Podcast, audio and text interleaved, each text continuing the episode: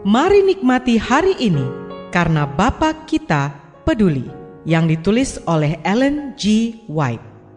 Melalui renungan pagi ini, kita akan menelusuri tentang karakter Bapa dan kasih Allah yang melimpah. Bersama Pendeta Andre Daimbani, selamat mendengarkan. Shalom, selamat pagi saudaraku. Renungan pagi kita hari ini 11 Agustus berjudul Tertulis di dalam hati. Ayat intinya diambil dari Yeremia 31 ayat 33 dan 34. Demikian firman Tuhan. Tetapi beginilah perjanjian yang kuadakan dengan kaum Israel sesudah waktu itu. Demikianlah firman Tuhan. Aku akan menaruh Tauratku dalam batin mereka, maka aku akan menjadi Allah mereka, dan mereka akan menjadi umatku.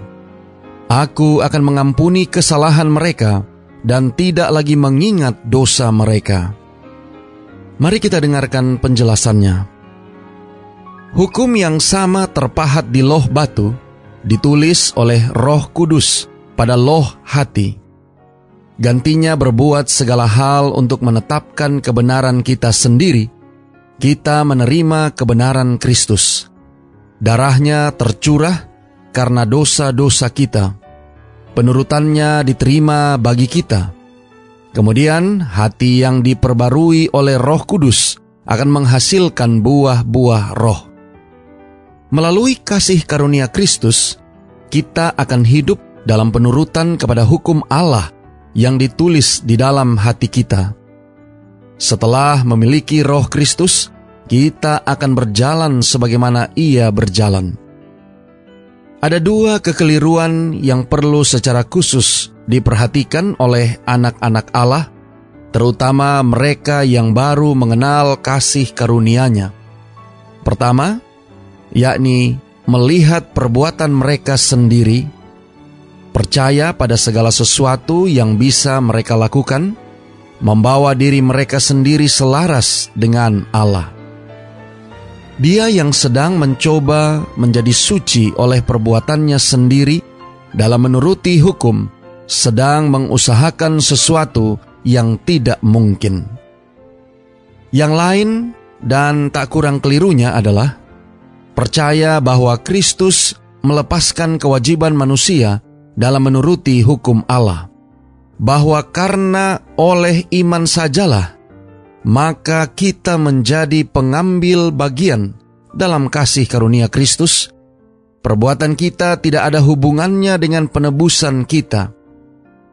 Jika hukum ditulis di dalam hati, tidakkah itu akan membentuk kehidupan? Gantinya melepaskan manusia dari penurutan adalah iman dan hanya oleh iman yang membuat kita mengambil bagian dari kasih karunia Kristus yang menyanggupkan kita melakukan penurutan. Saudara-saudara yang kekasih di dalam Tuhan, bukan hanya suatu kepercayaan kepada firman Allah, namun penyerahan kemauan kepada Dia, di mana hati diserahkan kepada Dia, kasih sayang ditujukan kepada Dia, ada iman, iman yang bekerja oleh kasih dan memurnikan jiwa. Melalui iman ini, hati diperbarui dalam gambar Allah. Hati yang dalam keadaannya sebelum diperbarui tidak tunduk pada hukum Allah, memang tidak akan bisa. Sekarang bersuka cita dalam ajarannya yang menyenangkan. Berseru dengan pemazmur, Betapa aku cintai Tauratmu.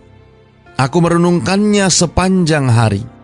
Sebagaimana dicatat dalam Mazmur 119 ayat 97. Dan kebenaran hukum digenapi di dalam diri kita yang tidak hidup menurut daging tetapi menurut roh. Dicatat dalam Roma 8 ayat 4. Doa kita hari ini. Bapa terima kasih melalui renungan pagi ini, kami boleh belajar betapa Taurat itu adalah hal yang sangat penting dan sangat kami butuhkan dalam kehidupan kami. Terima kasih melalui renungan pagi ini. Kami diingatkan, bila mana kami menerima Allah sebagai Allah kami, maka Allah akan menjadikan kami umatnya dan mengampuni segala kesalahan kami. Tolong kami hari ini Bapa, biarlah dengan pertolongan kuasa roh kudusmu akan menyanggupkan kami menuruti akan segala perintah yang telah diberikan kepada kami dan menuliskannya di dalam relung-relung hati kami dan menjadikan itu sebagai pedoman di dalam perjalanan kehidupan kami. Terima kasih Bapa. Inilah doa dan permohonan kami kepadamu. Di dalam nama Yesus kami berdoa. Amin.